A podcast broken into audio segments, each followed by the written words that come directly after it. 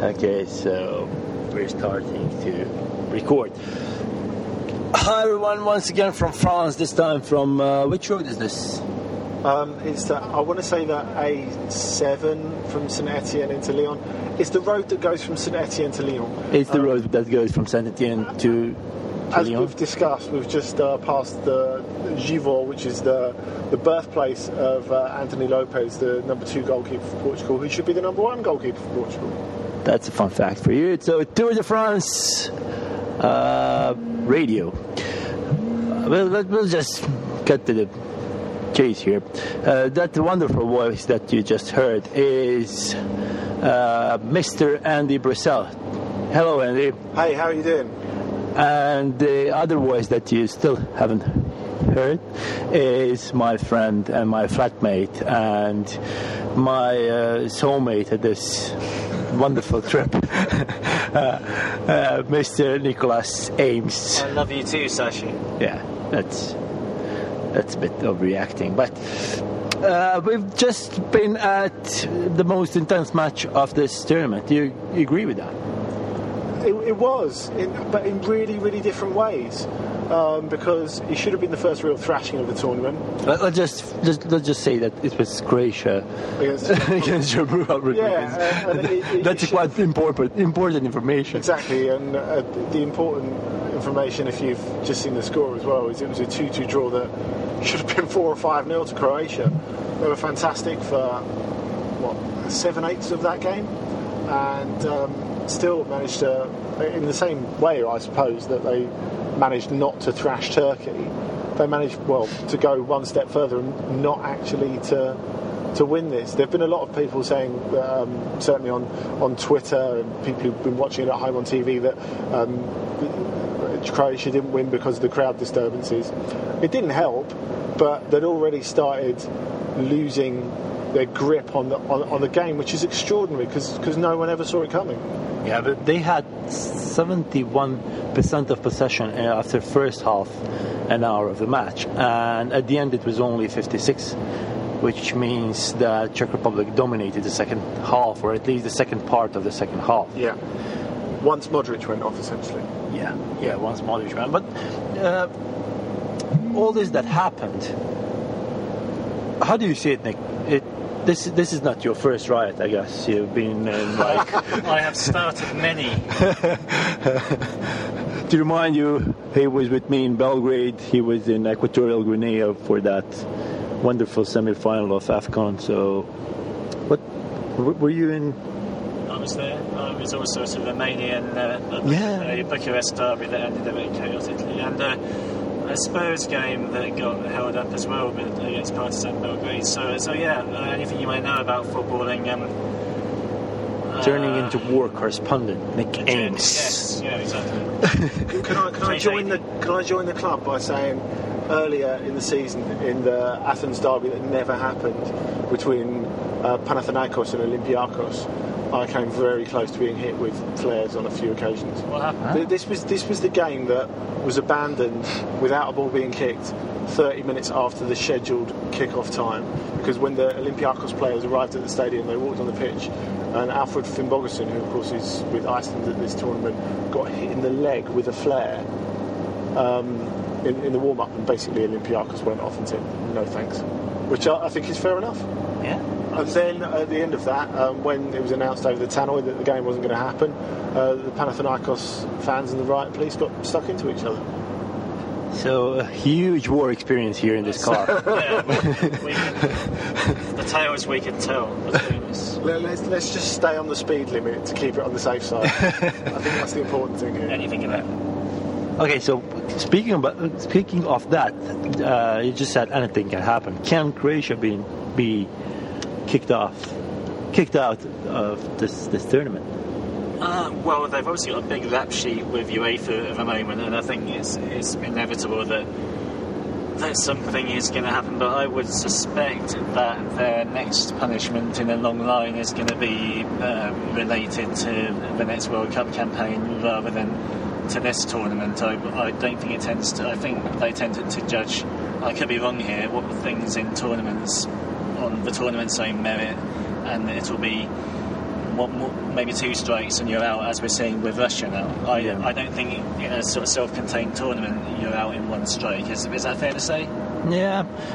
The, I think so. the thing is, this is this is not the first strike for Croatia, No, but but in this tournament, yeah, yeah, but in this tournament, yes, and I don't I don't think UEFA has. Can I say balls? Well, you just said it. yeah, uh, to do it. But uh, one thing that is important to, to remind our listeners is the fact that Croatia will play two first two matches of the World Cup qualifiers behind closed doors, and the last time they were uh, they, they had to pay they had to pay like 150,000 uh, euros fine. So uh, the the next penalty sh- could and should be very uh, very. Uh, big for the Croats. Do you, do you, uh, A moment of silence. I'm, I'm um, he, simply. he, he is fixed on the road. Let's we- hope he's not sleeping, Yeah, because that would be the worst possible. Yeah, that that would, that would be a dreadful ending to the podcast. um, um, a Noisy one as well. Yeah, I, yeah. Probably. I, I, I, I tend to I tend to agree uh, with Nick. I, I, I think there will be okay in, in terms of, in terms of this tournament. But really, in the short term, of, of course, like, like you're talking about the long term, but in the short term and what it's going to do to Croatia in this tournament, I think you just had to look at the faces of the players. Really, when you know in the 86th minute when they were trying to stop their fans doing it and they, they weren't getting much feedback and they looked so down like they'd seen all this before and you, you know for, for, that I just wonder what that does to the morale of the dressing room I know that's not the bigger picture here Yeah, um, but, but when we talk about how they're going to get on for the rest of the tournament I'm, I I agree with Nick I'm not sure they're going to get uh, immediately evicted from the tournament on a, on a, on a past rap but um, d- you know, you, you heard that in what Ivan Perisic was saying after the game. The fact that you know, why do we even bother? I think he said maybe we shouldn't even play if it if it, if it ends like this. And I, I wonder how Čačić, who uh, obviously uh, a lot of people have doubts over him as a coach, how does he how does he lift the players after this, especially with Spain to come next? yeah, it looked a bit weird after the match. Okay, there was a lot of criticism of the fans from both players and Čačić, but one thing that uh, surprised me was that they again showed a sort of ignorance to what happened. And they were like, ah, we're a big team, we're a good team, good friends, this will not affect us, which, which is a bit crazy to think. Delusional, in a way.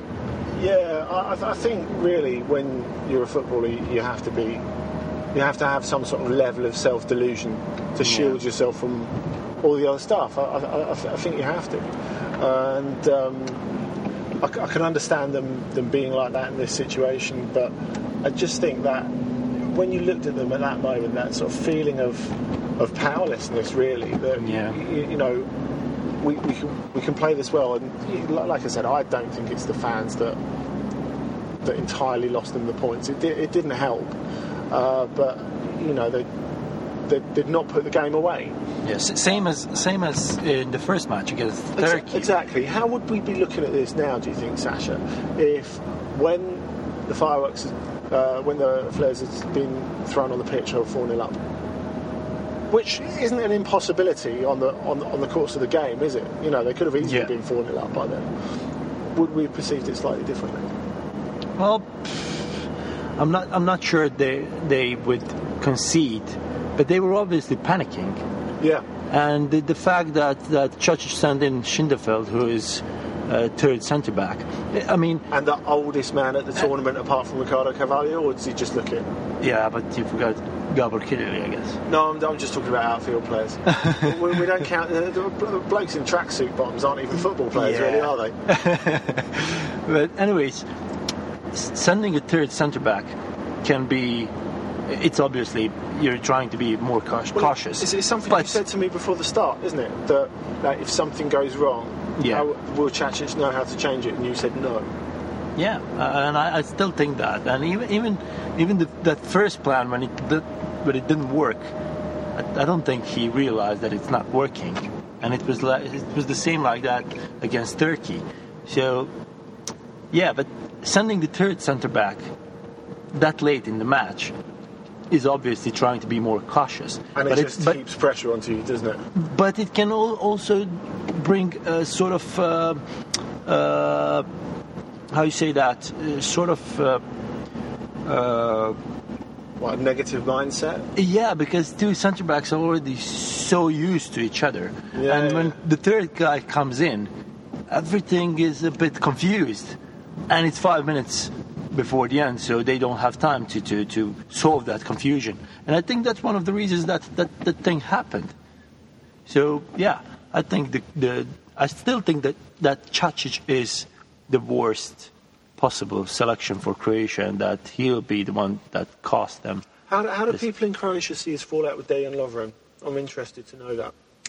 Well, you know, you know how things in football work. When the results are good, nobody cares. Well, Yeah. but I think all this that happened with with uh, how Judge how Judge was appointed and Yeah. how how fa- favorized him. Yeah. I think all this uh, affected uh, what happened with Lovren as well, because the one the people that are supporting the team and and Čačić and Mamic as as a football official, they supported Čačić's selection as well. Yeah. Uh, while all the others supported Lovren in this this sort of this little battle of theirs. Yeah. So yeah, it's like everything in, in, in, in Croatian football. The division is huge.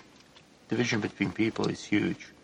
The the ones that support this team and the others. A, a day before Turkey match in Split or or one of the small cities near Split called Trogir, they had a huge banner saying that saying something like. Uh, so help you God to lose everything.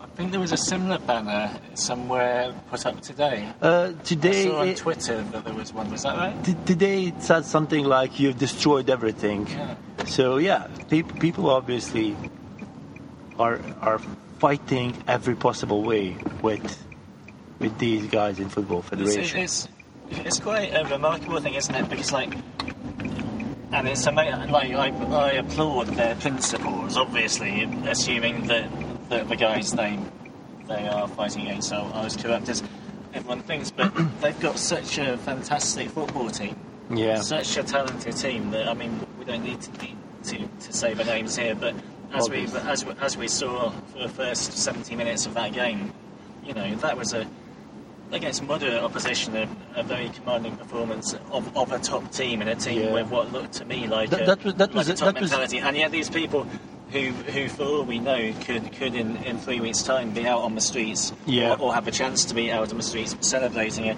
major tournament victory or, Yeah. or at least a place in the semis or the final.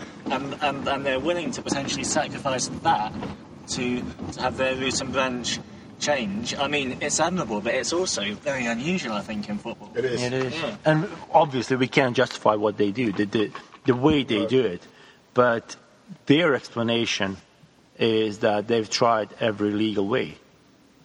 Because for s- last seven years, uh, Dynamo supporters are trying uh, to, to, to, to force Dynamo to do to, to, to turn into socios club. I don't know, like all the Spanish clubs, Yeah.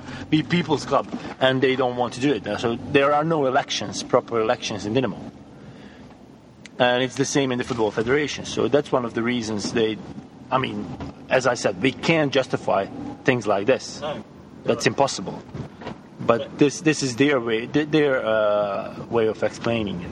I still find it stunning because because obviously the end point of football is to win this tournament or the World Cup or, or the Premier League or the Champions League. That's about the you know the, the three Yeah. or four things, And- and probably- and, and they're happy to turn their back on that. And they'll probably never have a generation like this anymore. No. This is this is just this uh, this generation is probably better than the one from 1998. So yeah, they, it, it's it's like everything in Croatian football. It's very complex and, and difficult to explain in, in in 20 minutes or in 20 hours, I guess. twenty kilometres. in 20 kilometers. 20 kilometres. Yeah, we're, we're almost in the center of uh, the Lyon city center, so we're going to, to do this a bit shorter than we expected. But let's let's just briefly discuss the matches that are uh, that we are waiting for in in uh, in match day three. The A: France, Albania, Romania, and Switzerland. Who's going out? Um, you know what? I thought, uh, along with a few friends, I thought Albania were going to be my cash out option. So, uh, to, to explain for non betters, uh, essentially that um, I would lump on Albania to win the tournament, and when they did slightly better than uh, everyone thought they did, I would sell my bet. Obviously, I didn't bank on them conceding a goal in the first five minutes against Switzerland. Yeah. Um, uh, I should have banked on Lorik Cana getting himself sent off because it's something you can pretty much set your watch by. And um, yeah, pretty unlucky against against France. Obviously, it'll be difficult for them to go through. I think that might be one of the groups where um, a third place team doesn't qualify. And so Switzerland, despite their shocking form coming into the tournament, I think can expect to finish runners up to France. A lot of talent, but um, yeah, they've looked all over the place under Petkovic in recent months. Germany's group, Nick. Um, Last night they drew with uh, Poland. Poland.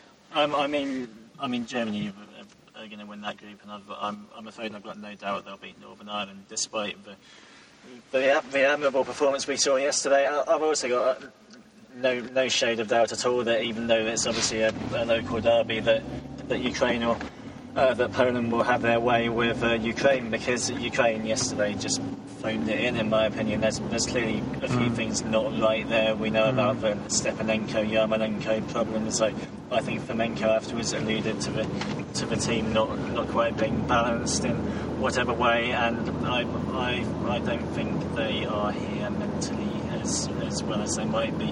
Um, that could be another group where the third place team has an, an issue or two if Germany win that game. Yeah. Uh, as I, as we used our listeners the bold predictions, my bold prediction for third for the match day three is that someone is going to be trashed like seven, eight, You no. said this yesterday. Yeah, Really? I, I I honestly don't believe that, that. There's no chance of that happening in this tournament, in my opinion. I Go think- on. But I, Why do you think that? I don't know. The, the, the, the gap between the quality gap between teams is huge, and at some point that must come to the to the surface. Who's, who's, I- who's, I go- don't agree. who's going to come through? Who's, who's going to give out the thrashing and who's going to take the thrashing? At this point, I believe it could be Germany thrashing uh, our wonderful friends from Northern Ireland. Really Yeah, interesting. Well, that's the biggest on paper mis- mismatch, isn't it? yeah. But, But- do you think Northern Ireland ever sort of? I mean, I, And, and then I I'll, could- then I I'll could- be I then I'll be bold enough to say that Germany will not win it No, after seven or eight. No. You see, it's, it's, it's funny because I, I don't know. One, Northern Ireland were fantastic i- i- here in Lyon, and two, I don't see Germany having the incision to get through them, unless, of course, they do the right thing and press the Mario Gomez button. Mario Gomez, Mario Gomez, sing it. That's the one. Mario Gomez, cha cha. Don't edit that out, please. We'll try. There you go. There's the music police come to get you, Nick. Uh, So, sirens in the background. Let, let's do the other groups. Who's going out? we have to do do this fast because we are we are near our we are near flat. So let let's. Who who will be the biggest disappointment, Nick? Hang on, I thought we were going through the groups. Okay. Um, Just skip that. Biggest disappointment. biggest disappointment in this tournament, and I'm really Just don't say Belgium. buy myself time here. Still not convinced by England at all, because although yesterday was, you know, Hodgson threw things up in the air, made his change at half time. Um, he he wouldn't have done that if the score was goalless. Also, I think it's, it's have still been having the same problems. So. Also, so, sorry to interrupt, Nick, but I was going to say that it's, it's easy to overlook the fact that Wayne Hennessy didn't have that much to do. No. Even even after the changes, he made that one sprawling save from from Rooney, and and that was about it. I still think there's a bit of a, a lack of identity there. But then, then, then again, you could say that about a few of the teams. You know, after match match day one, like France decided they would build everything around Dimitri Payet on the back of his brilliant uh, second half in, in in a central position against Romania, and it didn't work for them. That that sort of reshuffle. So really, a, a, a team who who know who they are, I, I, I think. Uh, are quite valuable. The closest, I think, would probably come at Italy or Spain. Yeah, in terms of in terms of being Uh, disappointed. having a personality, Yeah, Uh, uh, having- yeah. know, knowing like exactly what they're doing. yeah, definitely Italy I- I- probably. I, Yeah.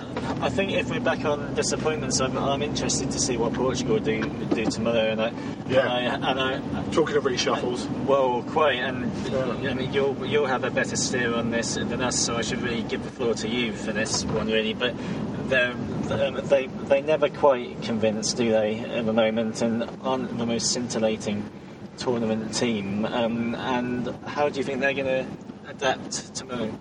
well, I think it's a big question. I don't think I need to throw the baby out with the bathwater just because they didn't get the result they wanted against Iceland. I think the uh, 4-4-2 has, has worked for them quite well. Uh, maybe like the blended midfield isn't quite right at the moment. I, I see Renato Sanches emerging out of necessity at some point because even though the substitutions didn't quite work for them against Iceland, I think someone who can change the pace and bring a bit of dynamism to the game is, is, is really, really important. Um, so I, I see him uh, getting a, a game or two, and you know, a, a lot of obviously excited Bayern Munich and Bundesliga fans thought he would start at the start of the tournament. That was never on the cards, but now he might force his way in. Yeah. And speaking about that group, Austria, can they be disappointment after they were like Yeah, hip- can't. hipsters? I was just thinking that, yeah, because they they were the sort of everyone's favourite, well, one of the favourite dark, dark horses to maybe get to the last eight or, or even the last four, and they They they- bottled. well they've got to back their back their ideas up. I think um, they were quite sluggish the other day. David David Alaba, I think, was almost guilty. I've seen him do this once or twice of almost trying to do too much in in midfield. Like it, sometimes I think with that kind of player, you can say, "Oh, he covers every blade of grass," but uh, as if it has to be a good thing. But it's not always a good thing. And I think he was he was sometimes putting himself in in areas even when they weren't losing against Hungary, where he couldn't actually be that effective. And I know he's he's not working with players as, as good on the whole as his Bayern Munich teammates, but sometimes you just have to be a bit more steady and a bit more patient. Um, and yeah, I'd expect a lot more from him and, and a lot more from them. And as you talk about David Alaba and uh, he's trying to take control of every situation, funnily enough, there was a girl who walked past our car wearing a lion jumpsuit. Well, so, I missed that. Friday night in Lyon. Yeah. Friday night in Lyon. It's crazy. All the freaks come out. Well, you've had a few Friday nights out in Lyon, haven't you, Andy? One, one or two. one or two. Okay, guys, so that was about it for this edition of Tour de France. Uh, proper Tour de France, we were on the road. No bikes, no dope, but still Tour Tour de France. Thank you. Bye, listeners. That's it. Thank you, Grade, guys. grade A pudding. Yeah. That was absolute top class. I loved it. Right, am I okay to let you out for the lights? Anyway, yeah.